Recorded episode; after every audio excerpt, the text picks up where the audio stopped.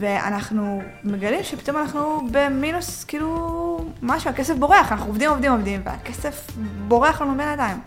ואז אתה זוכר מה עשינו? עשינו רישום של כל ההוצאות וגילינו שמה, איפה אנחנו מוצאים מלא כסף? בארומה, בכביש החוף. איזה אלפיים שקל בחודש. ולא אומרים, אנחנו מפגרים כאילו.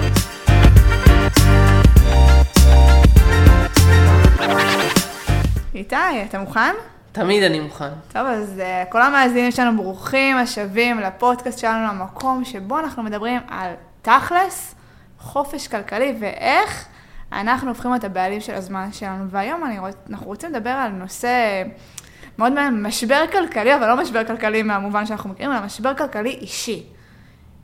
מה שנקרא מינוסים, חובות, כל הבלגן הזה, שהוא בדיוק ההפך ממה שאנחנו מדברים פה ב...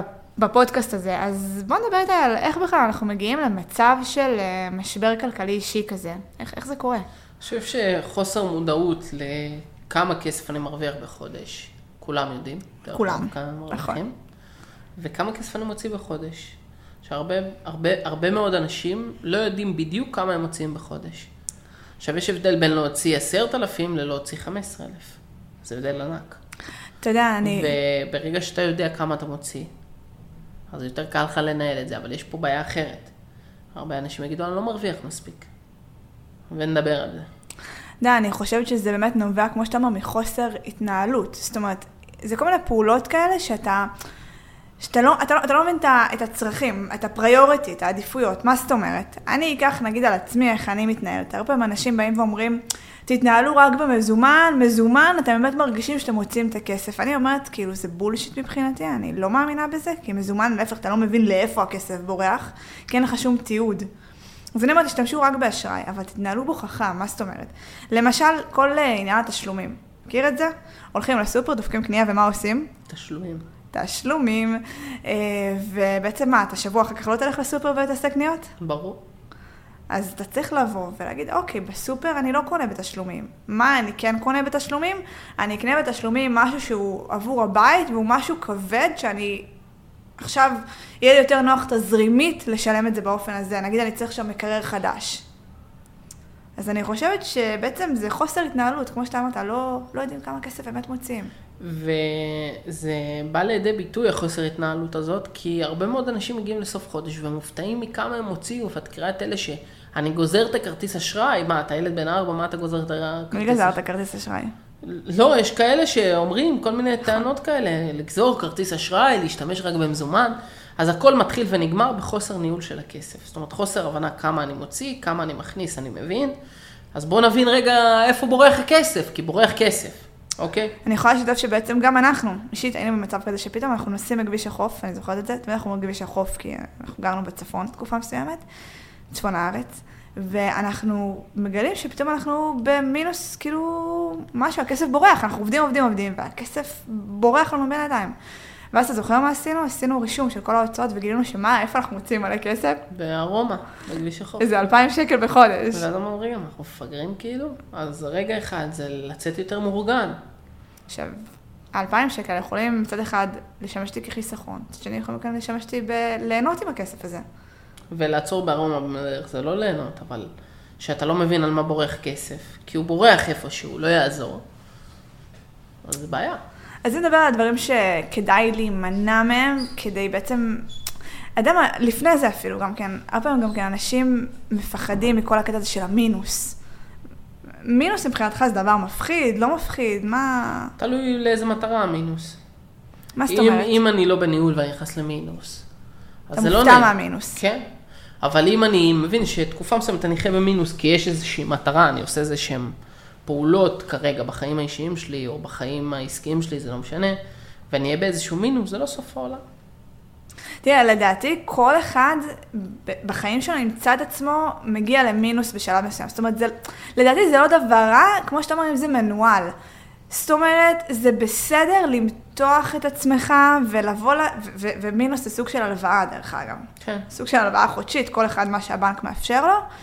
וזה בסדר, כי בעצם אם אתה לוקח את הכסף הזה ויודע להשתמש בו כדי לייצר ממנו יותר כסף, אז זה מינוס מבורך. זה חוב, איך אנחנו קוראים לזה? חוב טוב. בדיוק, חוב טוב. אז בוא נדבר איתה על הדברים שצריך להימנע מהם, או בוא נגיד לך, הדברים שצריך לעשות או להימנע מהם כדי לא להיכנס למשבר כלכלי אישי.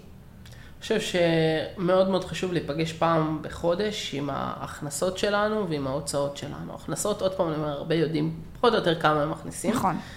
רוב האנשים לא יודעים כמה הם מוציאים. זאת אומרת, חודש אחד ככה, חודש אחד ככה. אבל אם יש לך איזושהי פגישת מעקב נקרא לזה, אחרי ההוצאות, אני אתמקד כרגע בהוצאות שלך, אתה מנהל את זה. ועדיף אפילו פעם בשבוע כזה, לתת הצצה על ההוצאות שלך. לשבת רגע, להסתכל רגע איפה אתה עומד עכשיו, אני לא אומר כל יום, אני אומר פעם בשבוע להסתכל, את יודעת היום יש אפליקציות, לא חסר דברים, ובעצם לבוא רגע ולעשות, להגיד, אה, הוצאתי השבוע קצת יותר, אני אאזן את זה שבוע הבא, אבל אם אתה עושה פעם בחודש, מגיע ואתה חוטף כף, אז את יודעת, זה, זה מאוחר מדי לבוא ולהגיד, אבל כשאתה במעקב, בתוך התהליך הזה של פעם בשבוע, אתה יודע לאזן את זה ולהגיע בסוף החודש למצב שאתה בסדר, שאתה טוב, אוקיי? אתה יודע, מה שאתה אומר פה מאוד מזכיר את כל עניין הירידה במשקל, תמיד אנחנו משווים את זה לעולם הזה. עוד יחשבו שאת... אה, איזה, איזה אשת פיטנס, אבל לא. אני מאוד אוהבת לעשות ספורט עבור עצמי, אבל זה לא קשור לזה. אבל אני כן יכולה לשתף בחוויה שלי, קהילה, שהחלטתי לה, לפני האורח חיים הבריא כלכלית, החלטתי להיכנס לאורח חיים בריא אה, פיזית, ואני זוכרת שבאמת העניין הזה של שקילה שבועית, קודם כל לא שקילה כל יום, אז השקילה השבועית זה מפגש עם הכסף. וגם כן להבין שחיים איזשהו איזון, כאילו אוקיי, אם שבוע אחד חרגתי, לא קרה כלום. נכון, זה בסדר, זה לא סוף העולם. לא צריך לי לכעוס. דרך אגב, גם עכשיו ארבעה חודשים חרגתי וזה מנוהל, ואני יודע למה חרגתי, זה גם טוב. בסדר. כל עוד זה מנוהל, כל עוד זה במודע, אוקיי? הרי הרבה אנשים מפחדים מהכרטיס אשראי הזה, כי הם לא, הם, הם, סליחה שאני אומר, זה כאילו כמו ילד קטן שנתנו לו איזה משהו עכשיו, הוא לא יודע לשלוט בעצמו. הרי מה, אתה בוחר אם לגהץ את הכרטיס אשראי או לא לגהץ. עכשיו, אתה צריך לבחור, לגהץ את הדברים שאתה צריך, ואז ההוצאות הן הוצאות שהן בסדר, הן הוצאות שאתה... אה, הן מתוך הצריכה שלך, מתוך מה שאתה צריך אותו. זה משהו, דרך אגב, שאני בתור הילה למדתי, כי דיברתי על זה כבר בפודקאסט הזה, שאני הייתי מאוד בזבזנית. זאת אומרת, הייתי קונה דברים שלא לצורך, נגיד סתם, תיק, קודם כל תיק אחד שאני צריכה או שתיים שיהיה לי, הייתי קונה ארבע. ואז כאילו, מה יוצא? סתם בזבזתי החודש מלא כסף, אני חודש הבא, זה כיף, הייתי רוצה לחדש לעצמי עוד משהו, ואז חודש הבא עוד פעם הייתי מוציאה סתם. ובפועל הייתי יכולה לקנות את, את הצורך שלי, שצורך זה גם בא לי עכשיו, אז הלכתי וקניתי, אבל, אבל כאילו, יודעת, לבוא ורגע, לא לקנות אימפולסיבי. למה שואלת את עצמי, רגע, אני, אני צריכה את זה? זה, למה אני צריכה את זה? אם בא לי עכשיו אז אני קונה, אבל לדעת לאזן את זה, להיות ככה בשליטה. מסכים איתך, לחלוטין, זה- שליטה עצמית. אז בואו ניתן עוד דברים שלדעתנו צריך להימנע מהם או לעשות. אחד הדברים, אני חושבת, זה עניין התשלומים בכרטיסי אשראי, זה כאילו אסון האסונות. אני לא יודע, אני לא השתמ... כאילו, לא יצא לי לעשות הרבה תשלומים, אני לא אוהב לעשות הרבה תשלומים, אבל לפעמים זה נוח לעשות תשלומים, כי תזרימית זה נוח לך, שוב פעם, זה להכיר ולדעת איפה המגבלות שלך ומה אתה צורך עכשיו. כמו שאמרת, אם אתה הולך לסופרמרקט ואתה שבוע אחרי זה בסופרמרקט, אז זה מטומטם לעשות תשלומים. אבל אם אתה הולך לקנות מקרר ב, לא יודע מה, 6,000 שקלים, אז לשלם את זה פעם אחת זה, זה מטומטם למשל, אוקיי? עדיף לעשות תשלומים, כי זה מוצר שאתה קונה פעם בארבע-חמש שנים, אם בכלל, לפעמים גם יותר. אז לחלק את זה לתשלומים זה נשמע לי רעיון לא רע בכלל ואפילו טוב. אה, וזה באמת, באמת, באמת, זה נורא פשוט בסוף להיפגש, להיות במעקב, לראות את ההכנסות, ששוב פעם, אנחנו יודעים פחות או יותר מה ההכנסות. אה, אנחנו לא יודעים מה ההוצאות שלנו, ופה אנשים נופלים. ועוד דבר שחשוב מאוד להימנע ממנו זה מלקחת חובות רעים. מה זאת אומרת? אנשים לא מבינים מה זה המושג הזה חוב טוב, חוב רע. כשאני עכשיו לוקחת כסף מהבנק, אוקיי, בתור הלוואה, אני קונה ממנו כסף, זה יכול להיות חוב שהוא חוב חיובי וזה יכול להיות חוב שהוא חוב שלילי. מתי זה חוב חיובי? חוב חיובי זה כשאני באה ולוקחת את הכסף הזה, הוא עולה לי כסף, נכון, אני צריכה להחזיר אותו גם, נכון, אבל באמצעות הכסף הזה אני הולכת ומייצרת עוד הכנסות. כסף. הכנסות, מייצרת בדיוק. הכנסות. הרבה מאוד אנשים מכרו לנו בבנקים, שבעצם הכסף שלנו אה, יכול לשבת בבנק בחיסכון, עכשיו זה הדרך הכי מטומטמת שיש בשביל לצבור כסף. הכי משתלמת לבנק. לבנק היא הכי משתלמת, ובעצם הבנק מכר לנו את הרעיון שתבוא כל זמן שאתה רוצה, קח 120 אלף שקל ותקנה אותו חדש. שזה מה? זה חוב רע, כי לא משנה עכשיו מה אני יקרה. שואל שאלה, למה הרבה אנשים לא שואלים את עצמם, מה 120 אלף שקל האלה, איך הם יכולים לעזור לי? לייצר כסף, כי הרבה מאוד אנשים באים ומדברים איתי, ואני מתחיל לדבר על בנקים, ואת את, את, את, את, רואה, את רואה איך הם מגיבים, אבל אם היית אומרת להם ללכת לקנות אוטו, הם, סבבה. זה לא היה מזיז להם. החזר של 1,200 או שקל לשפץ בחודש. את הבית, לשפץ את הבית. עכשיו, צריך, ברור שאתה צריך לחיות בית תוחזק, אני לא אומר שתחיה בכי הרבה. וליהנות מהחיים. וליהנות, אבל למה לקחת 120 או 130 או 150 או מיליון שקל, סתם אני עכשיו נותן סכום פה שהוא נשמע סכום גדול, ולמנף אותו להכנסות, זה מפחיד, זה מבהיל, זה... אז באמת אני מסכימה איתך שצריך לבוא ולהבין את ההבדל הזה בין חוב טוב לחוב רע, וזה פשוט להבין את זה, זו שאלה שהיא פשוטה. האם הכסף הזה שאני קונה ייצר לי עוד כסף, או אני בטוח אפסיד את הכסף הזה, וכמו שאמרת, רכב, אני בטוח אפסיד כסף. גם בשיפוץ, מה, בסוף זה מייצר בלאי, אבל בסדר, שוב פעם, צריך נכון. איזושהי רמת תחזוקה מסוימת. איזון, הכל באיזון.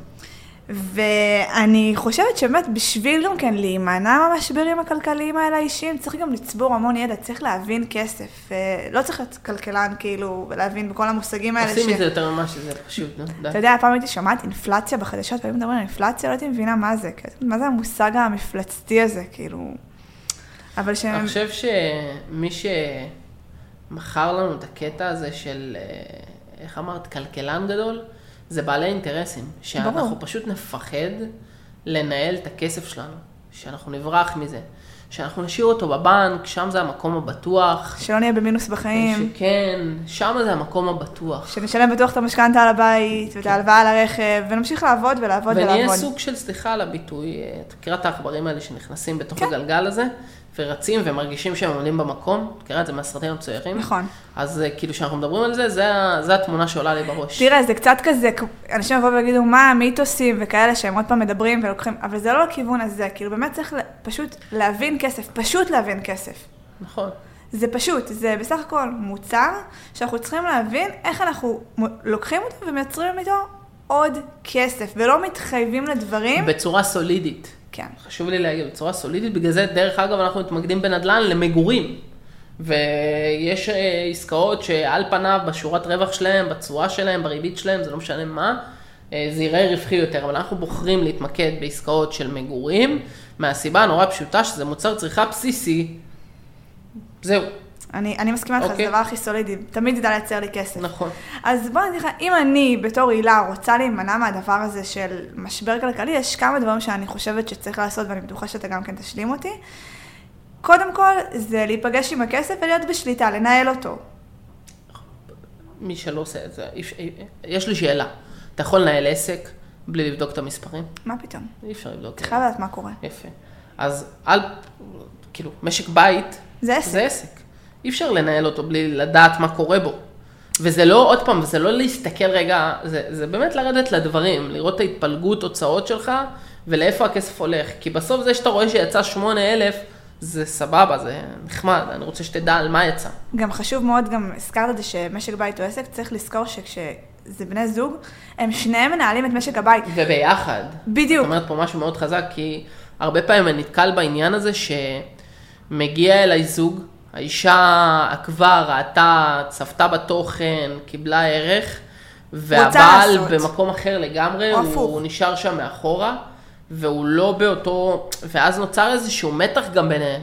זאת אומרת, אני מאוד חושב שהתהליך הזה הוא ביחד. זה, אם נכון. זה לא ביחד, זה לא יעבוד, דרך אגב. לטווח הרחוק זה לא יעבוד. אני כל כך מסכימה איתך, אנחנו יכולים להעיד על זה. אז באמת אני חושבת שקודם כל צריך לנהל את הכסף, אחר כך צריך גם כן להבין גם כן איך אנחנו מייצרים עוד כסף לעסק הזה. כאילו, לא צריך, אוקיי, חיסכון, ובסדר, אוקיי, אז אה, אל תאכלו בחוץ, או כל מיני, אתה יודע, כל מיני סיסמאות לא, אני לא כאלה מדבר על זה, ואחרות. כי אני עוד פעם, אני לא, אני, אני חושב שזה לא נכון. אני מסכימה איתך. כל אחד יש את הרמת חיים שהוא רוצה, והוא צריך לדעת לצייר את הדברים שיתאימו לרמת חיים שלו. ואם הוא עדיין לא במצב הזה, אז צריך לחשוב איך הוא מגיע לשם, כי אפשר להגיע להכל. ואנשים מסתכלים, או שומעים אותי, יותר נכון להגיד, ויגידו, נו די עם הסיסמאות, אני אומר לכם, אפשר הכל, כי אם הייתם מדברים איתי לפני 4-5 שנים, ואומרים לי שתוך 4-5 שנים אני, אנחנו נהיה איפה שאנחנו נמצאים, אז לא הייתי מאמין. אבל אני היום במקום שאני מאמין שאפשר הרבה יותר מזה, אוקיי? אז באמת אנחנו צריכים באמת לנהל את הכסף, אמרנו, לייצר עוד כסף, ואני חושבת שאחד גם השינויים שאנחנו צריכים לעשות במוח שלנו, זה, איך אמרת, לא לחיות צמצום, לחיות בשפע. להאמין, פעם הייתי שומע את המשפט הזה, ואיך היית חושב עליו? והייתי יושב בבית ואומר, די עם הסיסמאות, שפע, שפע, שפע. ואני חושב ששפע זה מהמקום של להגיד, אני יכול להרשות את זה לעצמי. שוב פעם, אני לא מדבר על פרארי, אני מדבר על דברים יותר... למה לא אה, פרארי? אה, די, בא לי. פשוטים, כי עוד פעם, אני מדבר על דברים יותר פשוטים, אפשר גם פרארי, כל אחד מה שהוא רוצה. אבל ברגע שאתה משנה אה, את הגישה שלך, אני זוכר את איתי בגיל 20, נוסע, עוד פעם אני אומר, בלי מזגן באוטו, כי הוא רוצה לחסוך בדלק, אז באמת לא הרווחתי הרבה כסף, ולא ידעתי לעשות כסף. אני חושבת שהשפע, כמו שאתה אומר, הוא מתבטא גם בחיים האישיים שלנו, וגם הוא מתבטא ב... כן, אפשר לעשות כסף. כאילו, פעם יש את הקטע הזה של, אוי, קשה פה, אי אפשר. זה לק מסכן, אפשר הכל. ואתה יכול גם כן לשתף שאתה בגיל, בגיל צעיר עזבת לתקופה מסוימת לארצות הברית, כי חשבת ששם אתה תצליח, כי בישראל אי אפשר להצליח. כן. והיום אני חושבת שזה ב mindset שונה לגמרי. אפשר להצליח אתה- בכל מקום. אתה מייצר את ההצלחה. אתה הבן אדם ששואב אליו את ההצלחה. זאת אומרת, אם אתה, יש לך מספיק רצון ואתה עושה מספיק פעולות, לא רק ב- בלהגיד, אתה מייצר פעולות, בסוף פעולות האלה מייצרות תוצאות. עכשיו, דבר אחרון שאני רוצה להגיד בפרק הזה, זה שלדעתי משבר מסוים, צריך לזכור שזה משהו זמני. זאת אומרת שגם אם נכנסתי למשבר הכלכלי האישי הזה, הכל בסדר, לא נחרב עליי עולם, לא נחרץ גורלי. אני עכשיו צריכה לנהל את המשבר הזה, כי משברים קורים, גם בעסק, גם בחיים האישיים, וצריך עכשיו לנהל את הסיטואציה. אז רגע להתפקס על עצמכם, לא לקטר ו- ו- ו- ולחשוב שזהו, נחרב לכם העולם ומר גורלכם, ועכשיו לבנות ולהבין א- איזה פעולות אתם צריכים לעשות כדי לצאת מהמשבר הזה. והכל מתחיל ונגמר, כמו שאמרת קודם, בזה שאתה בא ולוקח שליטה על הדבר הזה שנקרא משק בית שלך, החיים שלך, זה לא משנה מה, אתה פשוט מנהל את זה. הרבה אנשים פשוט חיים. שזה- זורמים עם הזרם, עוד יום, עוד בוקר, עוד שבוע, עוד חודש, ואז באים ואומרים שאי אפשר. עכשיו, זה עניין של בחירה. לגמרי, עכשיו, לגמרי. נכון, היום-יום הוא מאוד עמוס, אבל אתה חייב לשבץ את זה, אתה חייב לשים את זה ואתה חייב לעשות את זה. את הקטע הזה של למשל להיפגש עם הכסף. אתה חייב, אתה מתחייב לזה. עכשיו, המאזינים שלנו שמקשיבים, בעצם, אם אנחנו ככה נגיד איזה תכונות, איזה תכונות צריך לשפר בשביל באמת להימנע מהדברים האלה, זה באמת זה התמדה, כמו שאמרת, חייבים להיפגש עם הכסף, לנהל סיטואציות, לא לבוא ולתת לדברים לנהל אותי. אני מנהלת את הסיטואציות, כי אתה יודע, קורים הרבה דברים בחיים, ואם אנחנו יכולים לקחת את, את תקופת הקורונה, שעל כל אחד ואחד השפיע בצורה שונה, אני יכולה להגיד שהעסק שלנו, פרח בתקופת הקורונה, כי פשוט אנחנו בחרנו, היה לנו בהתחלה כזה דאון, ואז כזה אמרנו, טוב, איך אנחנו מנהלים את הסיטואציה הזו? ו... וזה עשה לנו שינוי אדיר בחיים, דרך אגב. נכון. הקורונה לימדה אותנו המון, אבל אנחנו החלטנו לקחת את זה למקום הזה. אז באמת, לנהל את הסיטואציה, לא לתת לחיים לנהל אותי, ופשוט גם כן, לא לפחד גם כן מהלרדת, מה, מהלמטה. למטה זה מקום שאני עולה ממנו, ולהבין שמשבר זה זמני. נכון? זה באמת משהו זמני, זה לא משהו ש... בא לך לדבר על עוד משהו שקשור למשבר כלכלי? יש לך משהו נוסף להוסיף? לא, אני חושב שדי דיברנו על הכל. גם אנחנו לא רוצים ככה, את יודעת, אה, לשעמם. אה, למה לשעמם? זה מעניין מאוד, האמת היא.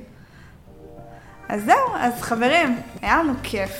היה לנו כיף לדבר על הדבר שהוא הפוך ממה שאנחנו מדברים עליו בדרך כלל. אה, וזהו, תמשיכו לעקוב אחרינו, ונתראה בפרק הבא.